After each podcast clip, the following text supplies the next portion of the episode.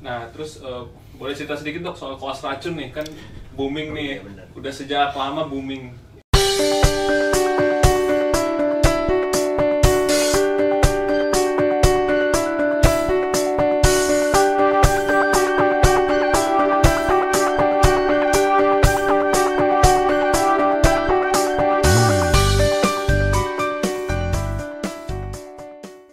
Hai guys, gue Andreas dan gue adalah seorang psikiater. Gue kerja di klinik ini di Smart Man Center. Dan waktu awal, kenapa gue berminat untuk jadi seorang psikiater? Pengalaman dari waktu masa pendidikan sih, waktu koas itu gue melihat kok ilmunya seru. Terus gue ngeliat juga ini belum banyak dokter yang tertarik ke bidang sini. Kebetulan waktu itu pas gue masih koas ada beberapa kasus-kasus psikiatri yang keangkat ke permukaan. Misalnya tentang waktu itu ada beberapa kasus forensik tentang orang-orang yang diduga apakah ini melakukan kejahatan karena gangguan mental. Dari situ gue tertarik. Dan akhirnya gue memutuskan di 2014 untuk mendaftar masuk ke spesialisasi psikiatri and here I am. Dan gue sejauh ini sangat menikmati pekerjaan gue sebagai seorang psikiater. Kenapa dulu sampai kepikiran bikin koas racun? Oke, sebenarnya koas racun itu setelah gue sekarang pelajari secara psikiatri ya, itu adalah coping mekanisme gue terhadap stres yang berkepanjangan pada masa koas. Jadi waktu, ya tau lah kan koas itu berat ya hidupnya kan ya disalah-salahin terus gitu kan. Dan waktu itu gue mikir pasti ada cara coping yang lebih bagus dibandingkan gue marah-marah ataupun gue ya ngedumel gitu kan. Akhirnya gue ngangkat dari sisi humornya. Dan kayaknya sampai sekarang pun itu jadi kebawa ya gue kalau jelasin ke pasien atau kalau jadi pembicara gue selalu berusaha untuk menyisipkan humor di dalamnya karena itu cara coping yang bagus untuk berhadapan dengan sesuatu yang nggak enak, sesuatu yang berat. Dokter sebagai psikiater, menurut dokter, apa yang membedakan psikiater dengan psikolog? Mungkin kita biar sepakat dulu ya tentang uh, apa definisinya psikiater sama psikolog itu. Saya berangkat dari psikiater dulu aja. Psikiater adalah dokter. Jadi dokter yang mengambil spesialis kedokteran jiwa punya nama yang keren yaitu psikiater. Nah di sisi lain ada namanya psikolog. Psikolog ini basicnya bukan dari dokter melainkan dari ilmu psikologi. Nah psikolog ini sendiri tidak semua psikolog akan menjadi psikolog klinis. Nah, jadi kalau tadi nanyain apa beda psikolog sama psikiater, lebih mungkin sih gini, apa bedanya psikiater dengan psikolog klinis? Nah, kedua-duanya itu sama-sama ketemu dengan klien atau dengan pasien, sama-sama bisa memberikan psikoterapi. Bedanya adalah psikolog klinis tidak bisa memberikan obat, psikiater bisa. Di sisi lain, psikiater kayak saya, saya nggak bisa melakukan tes IQ, tes minat bakat, ataupun kayak tes kepribadian itu nggak bisa. Tapi seorang psikolog klinis itu bisa melakukan itu. Nah, terus tadi psikolog juga banyak. Ada psikolog klinis, ada mungkin psikolog kerja, psikolog pendidikan. Nah, psikolog kerja dan pendidikan itu mereka tidak bisa menangani pasien atau klien, tapi mereka perannya adalah gimana meningkatkan mental health di kondisi-kondisi tersebut. Psikolog di pendidikan misalnya gimana cara supaya murid-murid itu bisa belajar dengan lebih baik lagi. Psikolog kerja gimana menurunkan tingkat stres dalam perusahaan seperti itu. Kapan sih kita harus ke psikiater? Kalau sekarang sih ya kita pendekatannya adalah psikiater dan psikolog klinis itu berkolaborasi sama-sama. Jadi kalau ditanya ke mana duluan, jawaban saya biasanya adalah carilah yang paling gampang diakses duluan. Dekat kamu ada psikolog, datang aja ke situ. Psikolog klinis ya tadi ya. Dekat kamu ada yang psikiater, datang aja ke situ.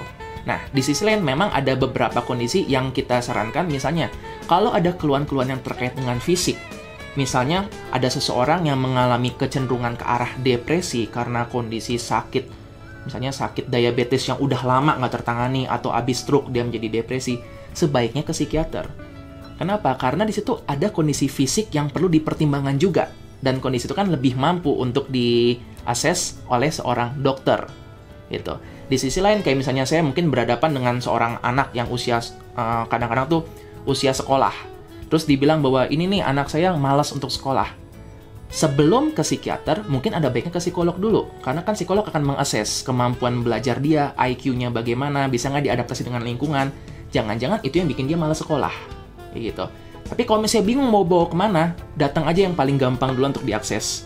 Karena yang paling susah itu adalah first step untuk masuk ke dalam ruang terapi. Jadi pastikan itu yang jadi paling gampang, masuk ke dalam, nanti dalamnya baru cerita, dan baru ditentukan harusnya ke mana.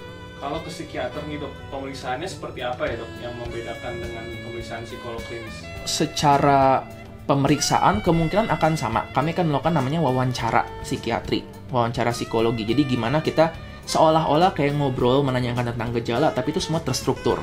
Yang mungkin membedakan adalah bahwa seorang psikiater kita dulu diajarkan di pendidikan itu harus sistematis. Jadi kita akan menanyakan kemungkinan gangguan organik, artinya gangguan di otak dulu. Misal tadi kita bahas kan, ada seseorang yang mungkin dia merasa cemas, gampang berdebar-debar. Kita nggak bisa juga mentang-mentang saya psikiater nih, oh Anda gangguan cemas nih, nggak bisa kayak gitu. Orang-orang dengan gangguan tiroid, hipertiroid misalnya, bisa jadi dia punya keluhan kayak gitu, tremor, gemetar, atau yang lain dia misalnya minum obat-obatan tertentu yang bikin efek sampingnya jadi gemetar, ada seperti itu. Obat-obat tertentu kayak misalnya beta blocker yang sering diresepkan oleh dokter penyakit dalam dokter jantung punya efek samping bisa membuat seolah kayak mood itu jadi turun. Nah, ini kan kondisi yang biasanya bisa diakses oleh seorang dokter.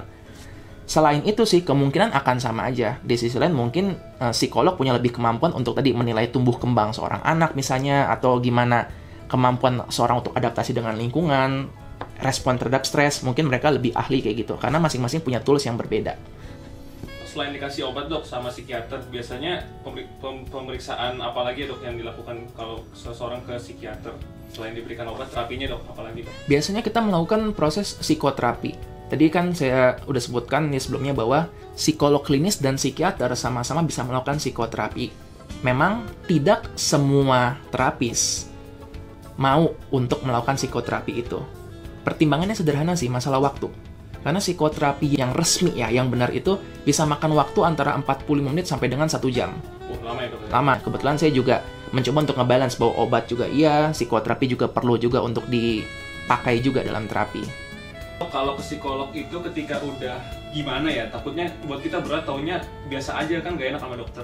Ini uniknya banyak loh yang nanya kayak gini. Jadi beberapa orang itu mau konsultasi tapi mereka menunda-nunda karena mereka tuh kayak mempertanyakan gimana seandainya pas gue datang ternyata dibilang enggak ini nggak kenapa-kenapa gitu kamu mah lebay aja nyatanya hampir nggak akan ada terapis yang ngomong seperti itu gitu Makanya tadi kan kita bahas di awal bahwa datang pertama kali ke terapis itu yang paling susahnya karena kita perlu menghadapi stigma terbesar itu stigma dari diri kita sendiri.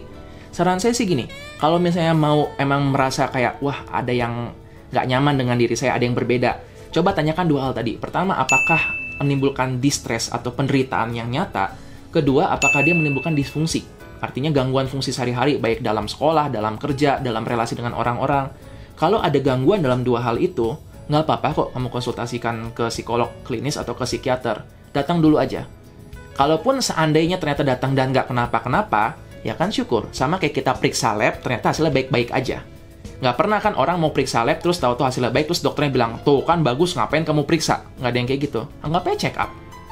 Ini sedang heboh nih dok viral. Ada seorang uh, dengan latar belakang dokter psikologi yang katanya suka memeriksa pasien namun uh, diduga melakukan tindakan asusila dok. Sebetulnya boleh nggak sih dok menerapi pasien itu bukan di ruang praktik tapi kayak secara massal gitu di ruangan itu ini ngomonginnya tentang legal sih ya, jadi agak-agak susah nih. Yang jelas gini, kalau judulnya adalah psikoterapi, yang bisa melakukan psikoterapi itu secara legal hanya psikolog klinis dan psikiater. Di sisi lain terus gimana dengan yang kayak guru BP atau mungkin pemuka-pemuka agama, mereka melakukan yang namanya konseling, bukan psikoterapi. Nah terus jadi pertanyaannya adalah, ada nggak sih payung yang mengendalikan mereka gitu? Biasanya kita akan tanyakan gini, kan pertanyaan yang sering saya terima adalah mereka boleh nggak sih untuk melakukan itu, untuk membuka praktik-praktik kayak gitu? Kompetensi seseorang dalam kedokteran juga dibagi jadi dua. Pertama, dia kompeten atau enggak untuk mengkondak atau melakukan itu. Yang kedua, secara legal dia boleh atau enggak melakukan itu. Ya, sebagai contoh, orang nggak punya SIM boleh nggak untuk nyetir mobil? Secara kompeten, dia mungkin bisa nyetir mobil tapi apakah ada perlindungan kalau seandainya terjadi sesuatu di jalan kayak gitu. Terus tadi pertanyaannya kan juga secara massal bisa nggak kita menterapi? Psikoterapi adalah one on one session.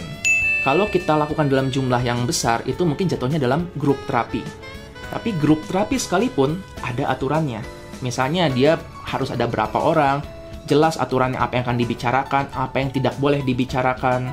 Kalau hanya satu arah, misalnya saya ngumpulin 100 orang lalu saya berikan kata-kata mungkin jatuhnya bukan terapi. Mungkin oke okay, sesi motivasi iya konseling iya edukasi iya tapi kalau dibilang suatu terapi kayaknya agak susah gitu. Oke dok siap. Nah sekarang kita masuk ke topik ya dok. Kita mau bahas soal insomnia nih dok